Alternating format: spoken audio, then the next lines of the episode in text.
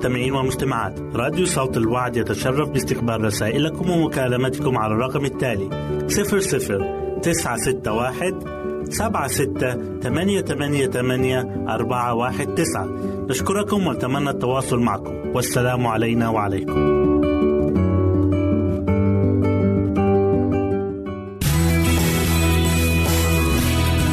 يمكنك استماع وتحميل برامجنا من موقعنا على الإنترنت www.awr.org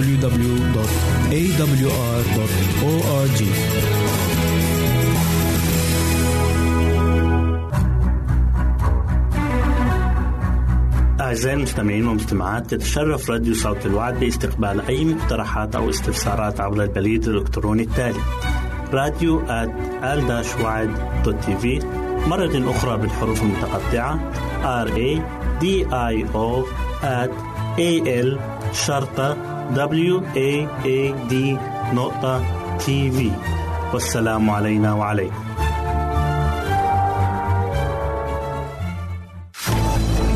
أعزائي المستمعين والمستمعات راديو صوت الوعد لا يكتفي بخدمتكم عبر الموجات الصوتية فقط بل وإنه يطرح لكم موقعا إلكترونيا يمكنكم من خلاله مشاهدة أجمل البرامج الدينية الثقافية الاجتماعية وغيرها من المواضيع الشيقة. يمكنكم زيارة الموقع من خلال العنوان التالي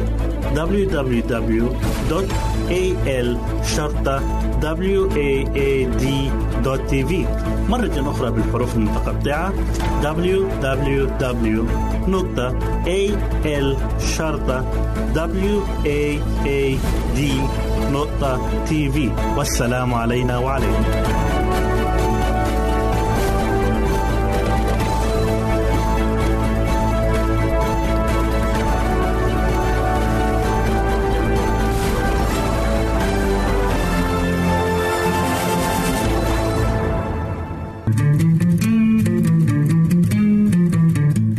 تستمعون إلى إذاعة صوت الوعد.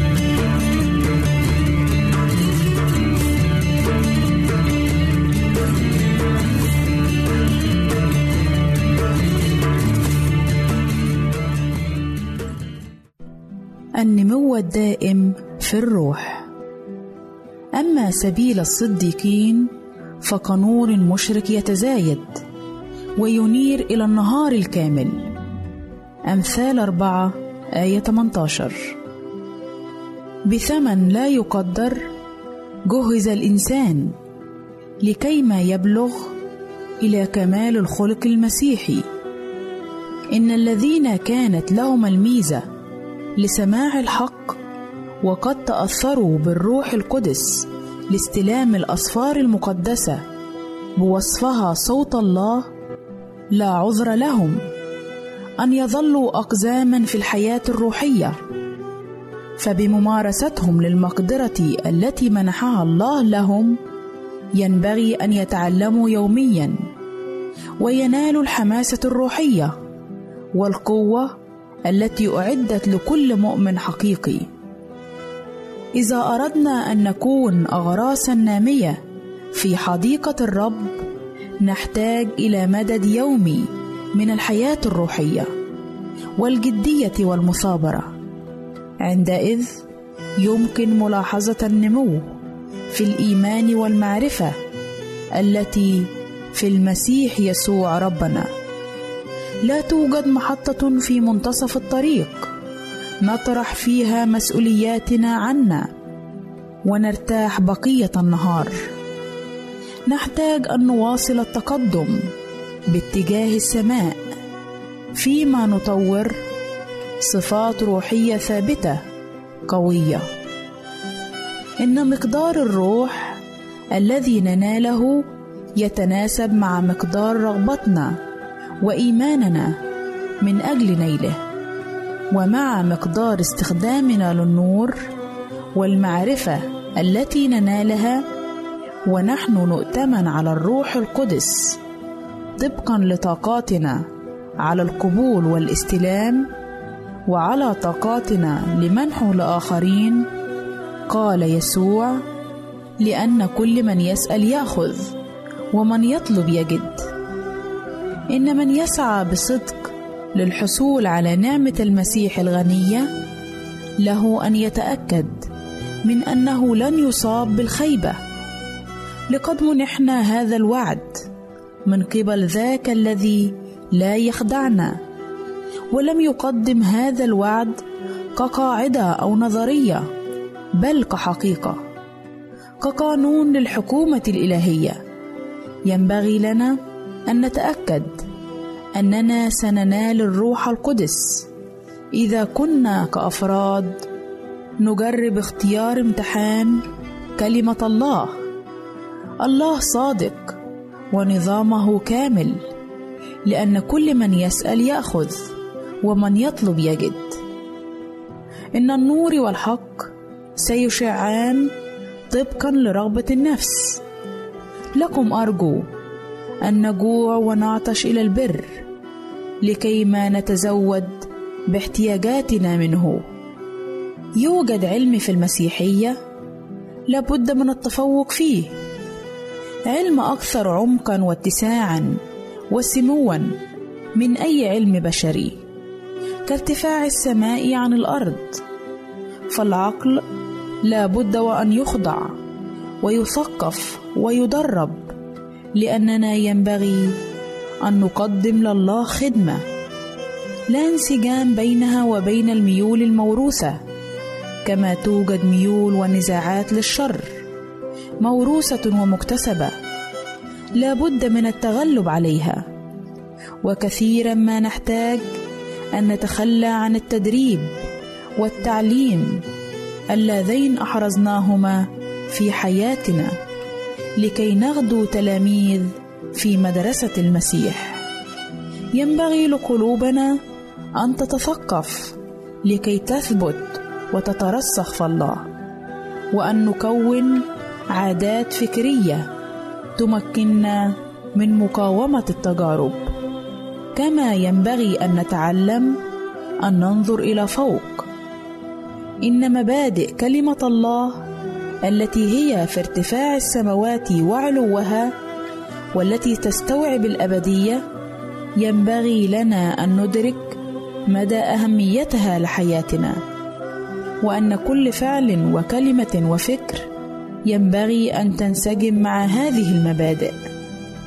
إن سجايا الروح القدس الثمينة لا يتم تطويرها في لحظة. فالشجاعة والوداعة والإيمان والثقة الراسخة بقوة الله على الخلاص يتم الحصول عليها بخبرة السنين وبحياة السعي المقدس والتمسك القوي بالحق. ينبغي لأولاد الله أن يختموا جهادهم. ليس لدينا وقت نضيعه. ولا ندري متى تنتهي فترة الإمهال الإلهي. الأبدية تمتد أمامنا. والستار على وشك أن يرفع. ويسوع سيأتي سريعا. وملائكة السماء يسعون جاهدين لجذبنا من نفوسنا. ومن الشؤون الأرضية فلا ندع جهودهم أن تمضي عبثا. آمين.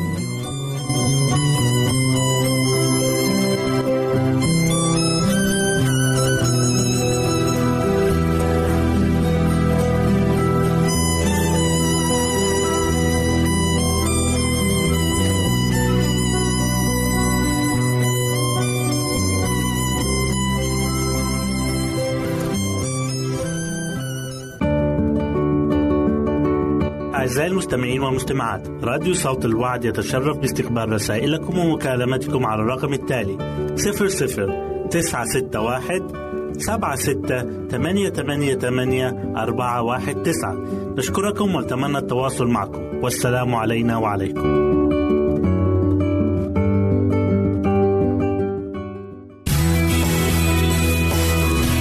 يمكنك استماع وتحميل برامجنا من موقعنا على الإنترنت. www.awr.org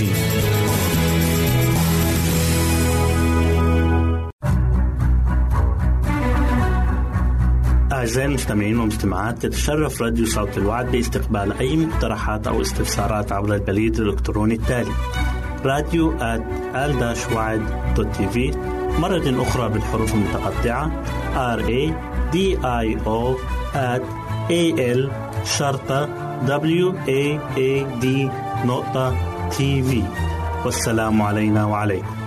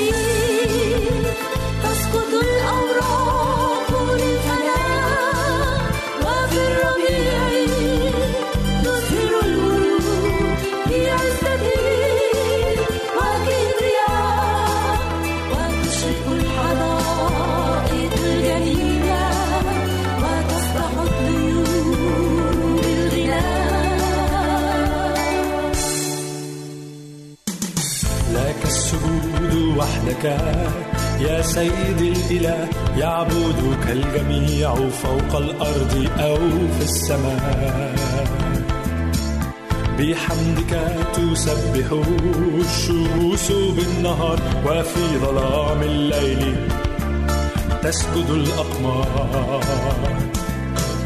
لك السجود وحدك. يا سيد الإله يعبدك الجميع فوق الأرض أو في السماء. بحمدك تسبح الشموس بالنهار وفي ظلام الليل تسجد الأقمار.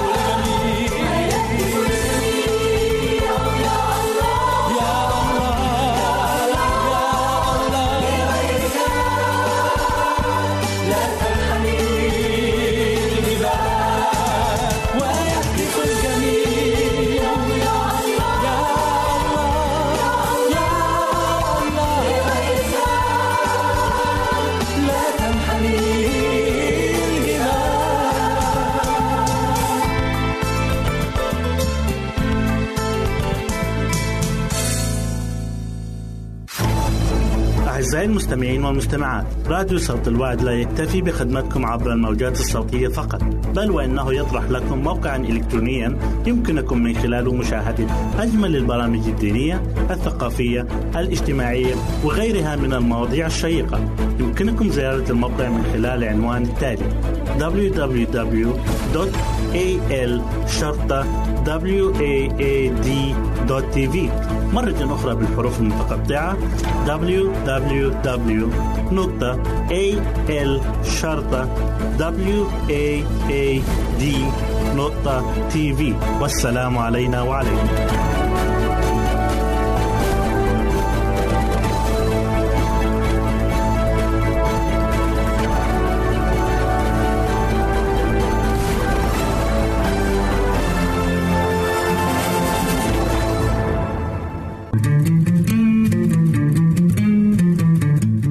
تستمعون إلى إذاعة صوت الوعي.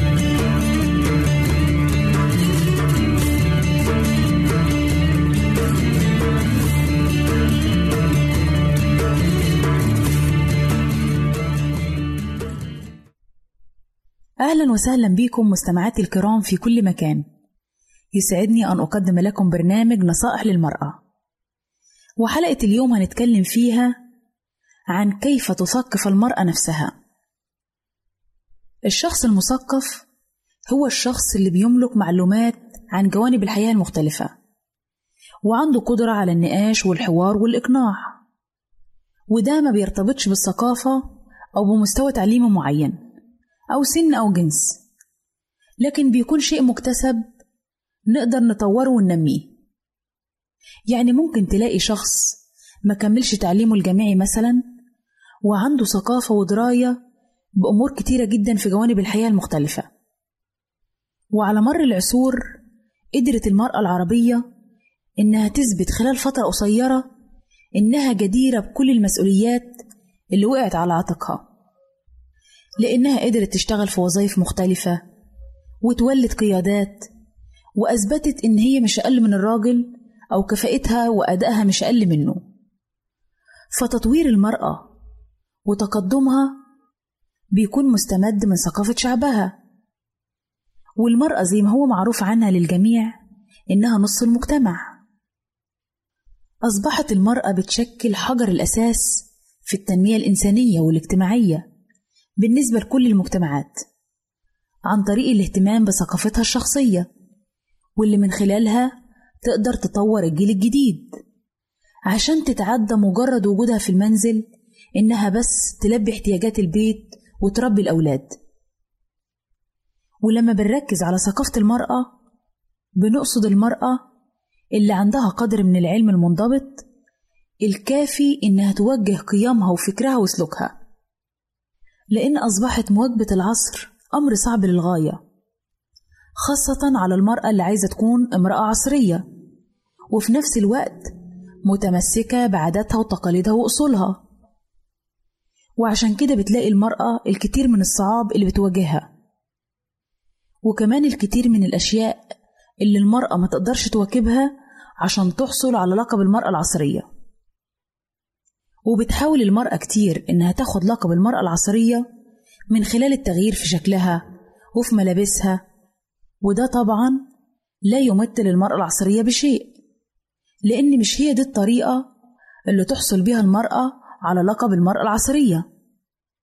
مفهوم المرأة العصرية يعني المرأة اللي تقدر تتفهم متطلبات العصر وتكون ملمة بكل اللي بيدور حواليها من تغيرات.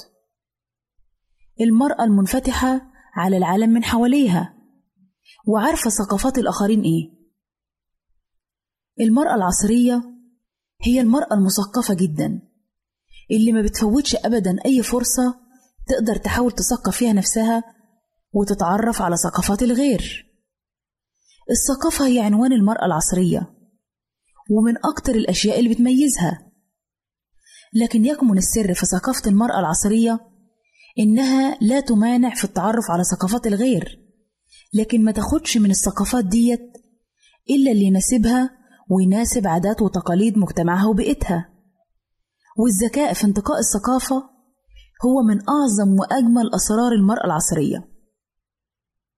هل ممكن تستفيد المرأة؟ إذا أصبحت امرأة عصرية بتواكب جميع متطلبات العصر اللي بتعيش فيه. وهي بلا هوية ثقافية أو جذور أصيلة في المجتمع والبيئة اللي اتربت فيهم وبتعيش فيهم. لما بنتكلم عن المرأة العصرية بنقصد المرأة اللي قادرة على التمسك بجذورها وبأصولها من غير ما تكون إنسانة رجعية. بتقدر تواكب العصر ومتطلباته من غير ما تكون جزء من ثقافته. والتوازن الرائع بين الأصالة والعصرية هو مفتاح المرأة العصرية وسر تميزها.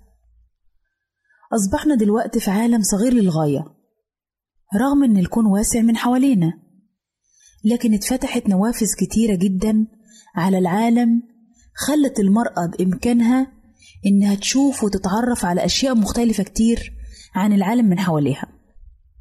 ومش كده وبس. قدرت تتعرف على ناس كتير وعلى ثقافاتهم وعلى عاداتهم وتقاليدهم.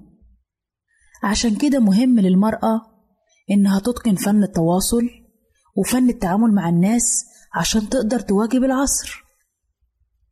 ومن الأسرار المهمة للمرأة العصرية هي إتقانها فن التواصل وإنها تتمتع باللباقة والتعامل الجيد مع الناس. ولو قدرت تعمل كده هتحصل على لقب المرأة العصرية المثقفة بجدارة واستحقاق. لكن إزاي تثقفي نفسك للحوار؟ كتير ما بنردد إن الخلاف في الرأي لا يفسد للود قضية وده أمر مفيش خلاف عليه. لكن نحصل إزاي على ثقافة الحوار؟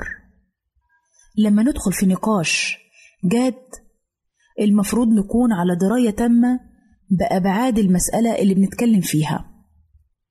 والسبيل الوحيد عشان نحقق ده هو التعليم والمعرفة. عشان يكون عندنا حصيلة من المعلومات تمكننا من التفكير ونقدر نبني وجهات نظر ومن ثم إبداء الرأي ومناقشة الآخرين. وفي النهاية بحب أشجعك عزيزتي المستمعة إنك تكوني إنسانة مثقفة عشان تقدري تفيدي أسرتك ومجتمعك ويكون ليكي دورك الفعال. وبكده أعزائي نكون وصلنا لنهاية برنامجنا نصائح للمرأة. في انتظار أسئلتكم وتعليقاتكم ورسائلكم وإلى لقاء آخر على أمل أن نلتقي بكم. تقبلوا مني ومن أسرة البرنامج أرق وأطيب تحية. وسلام الله معكم. أعزائي المستمعين والمستمعات راديو صوت الوعد يتشرف باستقبال رسائلكم ومكالمتكم على الرقم التالي 00 961 سبعة ستة ثمانية ثمانية ثمانية أربعة واحد تسعة. نشكركم ونتمنى التواصل معكم. والسلام علينا وعليكم.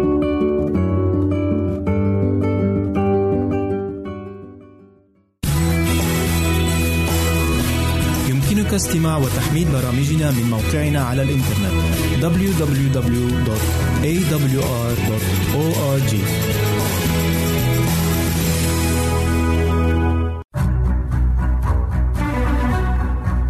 أعزائي المستمعين والمستمعات تتشرف راديو صوت الوعد باستقبال أي مقترحات أو استفسارات عبر البريد الإلكتروني التالي راديو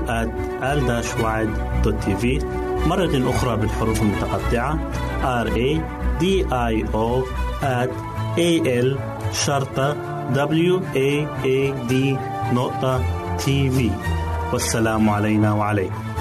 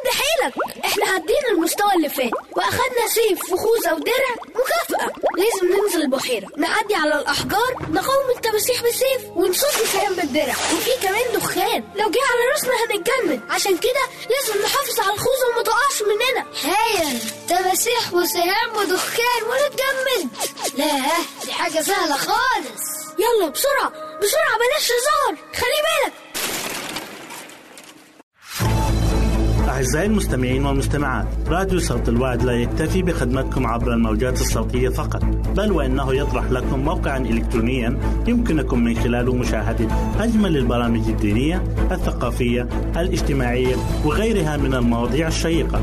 يمكنكم زيارة الموقع من خلال العنوان التالي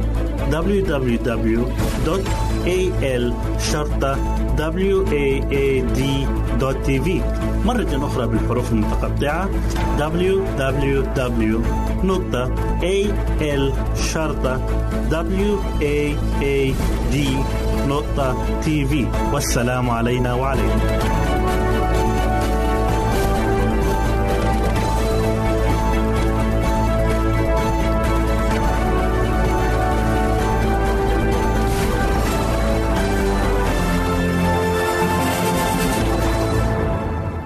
أهلا بكم أعزائي المستمعين في لقاء جديد من برنامج عمق محبة الله.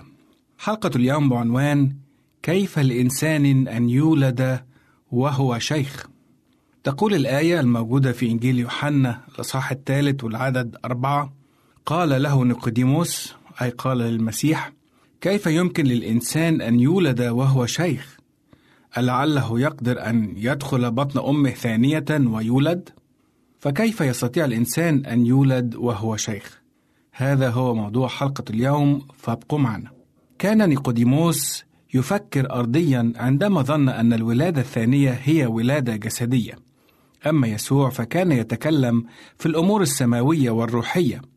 لم يكتف الرب يسوع بذلك بل أكمل قائلا كما نقرأ في إنجيل يوحنا أصحاح 3 والعدد الخامس الحق الحق أقول لك إن كان أحد لا يولد من الماء والروح لا يقدر أن يدخل ملكوت الله. ثم يكمل السيد المسيح كلامه قائلا: المولود من الجسد جسد هو، والمولود من الروح هو روح. الريح الغير منظورة. يقول الرب يسوع في إنجيل يوحنا أصحاح 3 وعدد 8: الريح تهب حيث تشاء وتسمع صوتها لكنك لا تعلم من أين تأتي ولا إلى أين تذهب. هكذا كل من يولد من الروح. نعم، نحن نسمع صوت الريح من خلال أغصان الشجر، ولكننا لا نراها بالعين المجردة، ولا يعرف أحد من أين تأتي الريح وإلى أين تذهب. هكذا عمل الروح القدس في القلب عزيزي المستمع، إذ لا يمكن إيضاحه أو وصفه. ومع أن الريح لا ترى بالعين المجردة، ولكن نستطيع أن نلمس تأثيرها الواضح على الأشياء. هكذا أيضا عمل الروح القدس في النفس. عندما يملك روح الله على القلب فهو يغير الحياة، فالأفكار الشريرة تذهب بعيدا، وبدلا من الحسد والغضب والخصام تملك المحبة والوداعة والسلام، ويحل الفرح والاطمئنان مكان الحزن والكآبة، وتسطع على الوجه أنوار السماء. لا يمكن للعقول المحدودة أن تدرك عمل الروح القدس داخل الإنسان الخاطئ، وهو سر يسمو فوق كل معرفة بشرية. هنا نطق نيقوديموس وسأل الرب يسوع كما ورد في الإنجيل وفي إنجيل يوحنا أصحاح 3 وعدد 9 كيف يمكن أن يكون هذا؟ ورد الرب يسوع عليه قائلا في العدد العاشر أنت معلم إسرائيل ولست تعلم هذا؟ لهم عيون ولا يبصرون. لم يكن لعمى بني إسرائيل الروحي أي عذر. فكتب أشعياء النبي بوحي الروح القدس يقول وقد صرنا كلنا كنجس وكثوب عدة كل أعمال برنا. وقد صلى داود قائلا قلبا نقيا اخلق في يا الله وروحا مستقيما جدد في داخلي كان نيقوديموس قد قرأ هذه الآيات الكتابية بذهن مظلم. أما الآن فقد بدأ يدرك معناها وأدرك أن الطاعة الصارمة لحرفية الناموس لا يمكن أبدا أن تؤهل أي إنسان لدخول ملكوت السماوات. كان نيقوديموس في حضرة الناموس يظهر أنه بار ولكن في حضرة المسيح ظهرت الحقيقة المريرة. بدأ نيقوديموس ينجذب إلى السيد المسيح وعندما كلمه المخلص عن الولادة الثانية تمنى أن يحدث هذا التغيير في حياته. وقد أعطى السيد المسيح لنيقوديموس تشبيها عن عمله على الصليب فقال له وكما رفع موسى الحية في البرية هكذا ينبغي أن يرفع ابن الإنسان. كان يمكن لكل من لدغته الحية في البرية أن ينظر إلى الحية النحاسية فيبرأ. كثير من الناس اليوم يستهزئون بكلمة الله. هل الله جاد فيما يقول؟ هل الله سيحاسبنا فعلا على أمور صغيرة كالتي نفعلها هذه؟ نعم، الله قدوس ولا يتساهل مع الخطية ابدا، ولكن لا نيأس أحبائي من محبة ورحمة الله، فنقرأ في سفر أعمال الرسل أصحاح 4 وعدد 12 هذا الوعد الرائع. تقول الآية: وليس بأحد غيره الخلاص، لأن ليس اسم آخر تحت السماء. قد أعطي بين الناس به ينبغي أن نخلص. وكما رفع موسى الحية هكذا ينبغي أن يرفع ابن الإنسان. كل من لدغته حية الخطية يمكن أن يلتفت إلى يسوع المصلوب فيحيا. وهذا فعلا ما قيل في إنجيل يوحنا الأصحاح الأول وعدد 29 إذ تقول الآية هو ذا حمل الله الذي يرفع خطية العالم. كشف يسوع لنيقوديموس سر تدبير الفداء. فلما صعد يسوع إلى السماء وتشتت التلاميذ بسبب الاضطهاد تقدم نيقوديموس أمام الصفوف واستخدم ثروته في إعلاء وإسعاف الكنيسة التي كان اليهود يتوقعون لها الهلاك وأنها ستمحى بعد موت المسيح. ولكن شيئا من هذا لم يحدث. فالذي كان كثير الشكوك رأيناه وقت الخطر فإذا هو ثابت كالصخر يشدد إيمان التلاميذ ويقدم الأموال اللازمة لعمل الإنجيل. أحبائي، إن يسوع يقرع الآن على باب قلبك ليدخل إليه ويغير حياتك ويعطيك الحياة الأبدية كما فعل مع نيقوديموس. إنه حمل الله الذي يرفع خطية العالم، فهو يستطيع أن يرفع خطيتك أنت، أنت الذي إن طلبت منه ذلك بإيمان فسيفعل. فتعال له الآن ليعطيك الحياة الجديدة. آمين. نشكركم أعزائي لحسن استماعكم إلى برنامج عمق محبة الله ونلتقي في حلقة جديدة من الأسبوع القادم. أعزائي المستمعين والمستمعات راديو صوت الوعد يتشرف باستقبال رسائلكم ومكالمتكم على الرقم التالي 00 961 سبعة ستة ثمانية ثمانية ثمانية أربعة واحد تسعة. نشكركم ونتمنى التواصل معكم. والسلام علينا وعليكم.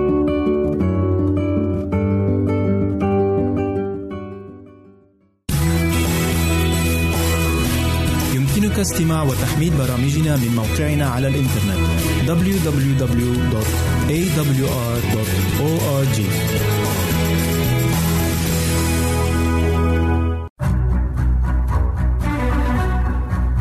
أعزائي المستمعين والمستمعات تتشرف راديو صوت الوعد باستقبال أي مقترحات أو استفسارات عبر البريد الإلكتروني التالي راديو TV مرة أخرى بالحروف المتقطعة R A D I O A L شرطة W A A D نقطة TV والسلام علينا وعليكم.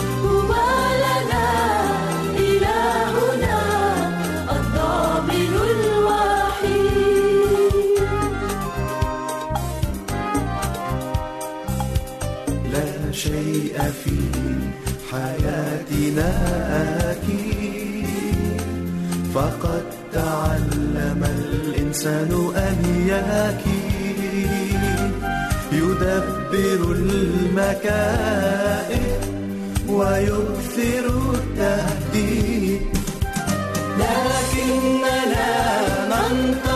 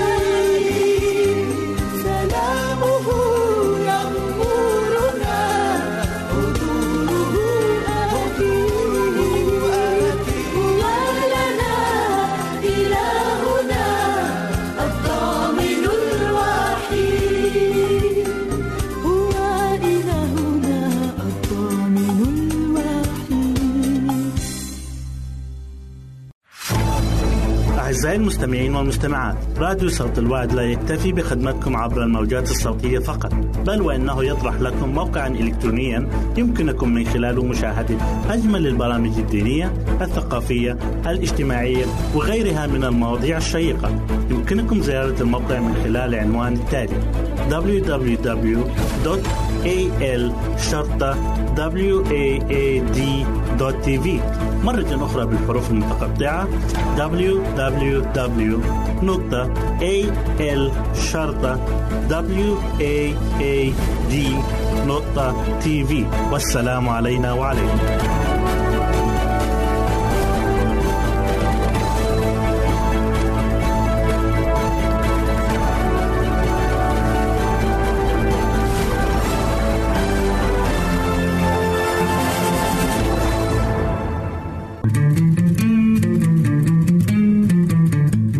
تستمعون إلى إذاعة صوت الوعد.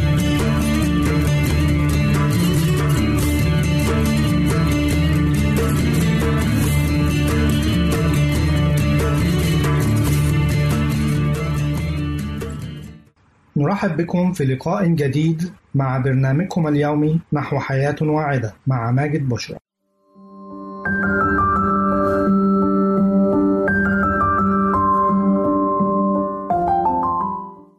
فوائد خل التفاح العلاجية والجمالية. فوائد خل التفاح كثيرة لا يمكن حصرها. فخل التفاح يعرف باستعمالاته العديدة في الطب البديل لعلاج الكثير من الأمراض كما أنه يستعمل لأغراض تجميلية كثيرة. فخل التفاح يعتبر من أفضل أنواع الخل كما أنه ينصح باستعمال الخل الطبيعي المحضر في البيت. وليس الذي يباع في المحلات. فهذا الأخير من الممكن أن يحتوي على مواد كيميائية لذا يفضل تحضيره في البيت. وطريقة تحضيره سهلة جدا. تعتمد على أخذ كمية من التفاح وغسلها جيدا وتجفيفها وتقطيعها إلى إرباع دون إزالة القشور والبذور. وتوضع في آنية من الفخار وتغطى بقطعة من القماش النظيف وتترك لمدة 45 يوما في مكان دافئ حتى يختمر التفاح ثم يتم عصره ووضعه في قناني من الزجاج محكمة الإغلاق. فوائد خل التفاح العلاجية من فوائد خل التفاح أنه يساعد على تنظيم مستويات السكر في الدم من خلال تناول ملعقتين منه في كوب من الماء كل يوم.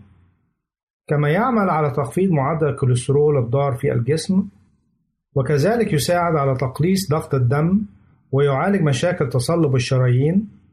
يعمل على مقاومة الأورام الخبيثة والخلايا السرطانية وإبطاء نموها. يعمل عمل المضاد الحيوي في القضاء على عدد من الميكروبات والجراثيم والبكتيريا الضارة. ومن فوائد خل التفاح كذلك أنه يساعد في علاج الإسهال وعسر الهضم من خلال شرب كوب من الماء مضاف له ملعقة صغيرة من خل التفاح قبل الطعام. يساعد على الاسترخاء ويبعد عنك الإحساس بالإرهاق والإجهاد والأرق. من خلال إضافة ملعقة صغيرة من خل التفاح إلى كوب من الماء. يساعد خل التفاح في علاج التهاب الحلق والجيوب الأنفية كما يعمل على علاج وتطهير المسالك البولية من خلال شرب كوب من الماء مضاف له ملعقة صغيرة من خل التفاح عند كل وجبة. فوائد خل التفاح التجميلية يستعمل خل التفاح لأغراض تجميلية كثيرة، فهو يساعد على تقليل الوزن من خلال إذابة الدهون في مختلف مناطق الجسم وذلك عن طريق إضافة ملعقة كبيرة من خل التفاح في كوب من الماء وشربه عند كل وجبة يومياً. من فوائد خل التفاح التجميلية كذلك بالنسبة للشعر إنه يعمل على علاج القشرة في فروة الرأس ويمنح الشعر لمعانا ونعومة من خلال إضافة القليل منه إلى الماء وشطف الشعر به كما يساعد على تقوية الشعر وتعزيز نموه. يعمل خل التفاح على علاج مشاكل البشرة كالحروق التي تسببها الشمس وكذلك البثور وحب الشباب وتفتيح البشرة وتطهيرها من الأوساخ والشوائب والبقع وكذلك النمش كما يقلل ظهور التجاعيد ويشد البشرة. وذلك عن طريق وضع القليل من الخل مخفف بالماء في قطنة وتمريرها على الوجه وغسله بعد ربع ساعة. يساعد خل التفاح في علاج مشاكل الجلد كالخطوط البيضاء أو سلوليت والتهابات والجروح من خلال دهن المنطقة المصابة به وتركها لمدة عشر دقائق ثم غسلها. ويعمل خل التفاح كذلك في القضاء على رائحة العرق الكريهة من خلال تبليل القطنة به ومسح منطقة الإبط بها بعد الاستحمام فذلك سيمنع تشكل رائحة العرق الكريهة لأيام. يساعد خل التفاح على تقوية الأظافر وعلاج مشاكلها وتطهيرها من الفطريات والجراثيم من خلال وضعه في قطنة ودهن الأظافر به كما يمكن وضع القليل من الماء الدافئ في وعاء وإضافة خل التفاح له ووضع اليدين فيه لمدة ربع ساعة فذلك يساعد على تقوية الأظافر وتطهير اليدين. أحبائي المستمعين أرجو أن تكونوا قد أدركتم مدى أهمية خل التفاح ولذلك سوف أعيد عليكم عمل خل التفاح في البيت. لذا يفضل تحضيره في البيت. وطريقة تحضيره سهلة جدا. تعتمد على أخذ كمية من التفاح وغسلها جيدا وتجفيفها وتقطيعها إلى إرباع دون إزالة القشور والبذور.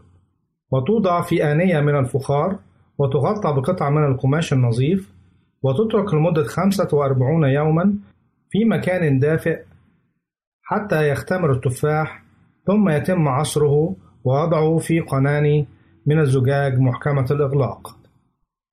نعم كما ذكرنا أن لخل التفاح فوائد كثيرة جدا ولكن لا يجب الإفراط فيه لأنه يمكن أن يسبب في بعض المشاكل ومنها الحرقة في المعدة وذلك إذا زدنا من جرعة الخل المراد تناولها فأرجو الحرص من ذلك أحبائي المستمعين بهذا نأتي إلى ختام هذه الحلقة.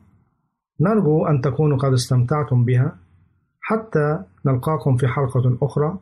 لكم مني أفضل الأمنيات. نرجو التواصل معنا عبر هذه العناوين.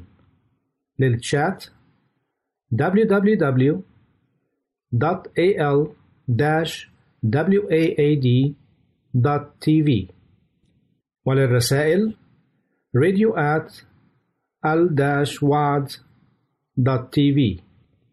والاتصال عبر الواتساب 961 76 888 419 961 76 888 419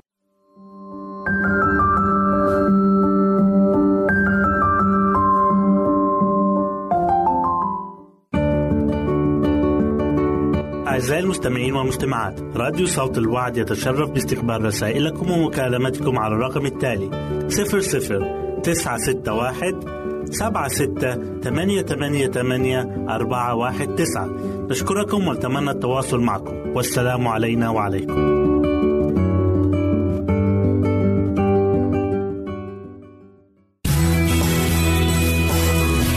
يمكنك استماع وتحميل برامجنا من موقعنا على الإنترنت. www.awr.org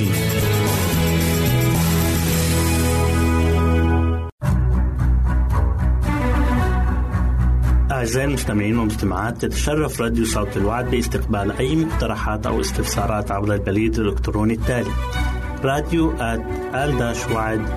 في مرة أخرى بالحروف المتقطعة R A D I O at A L شرطة W A A D نقطة تي في والسلام علينا وعليكم.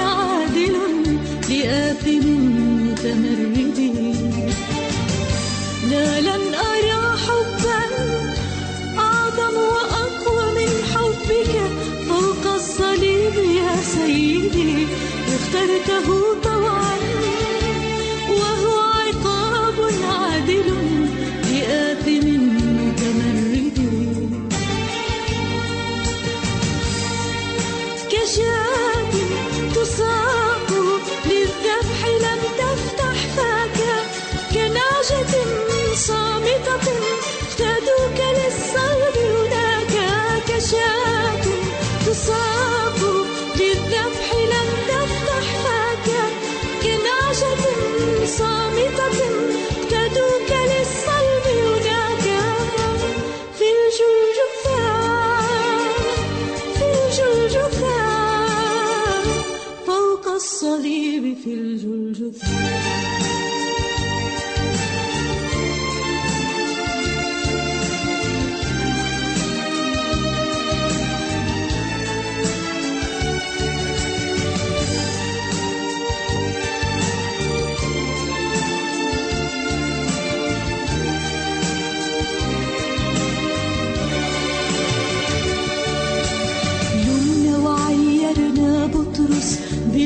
بالجبن يوم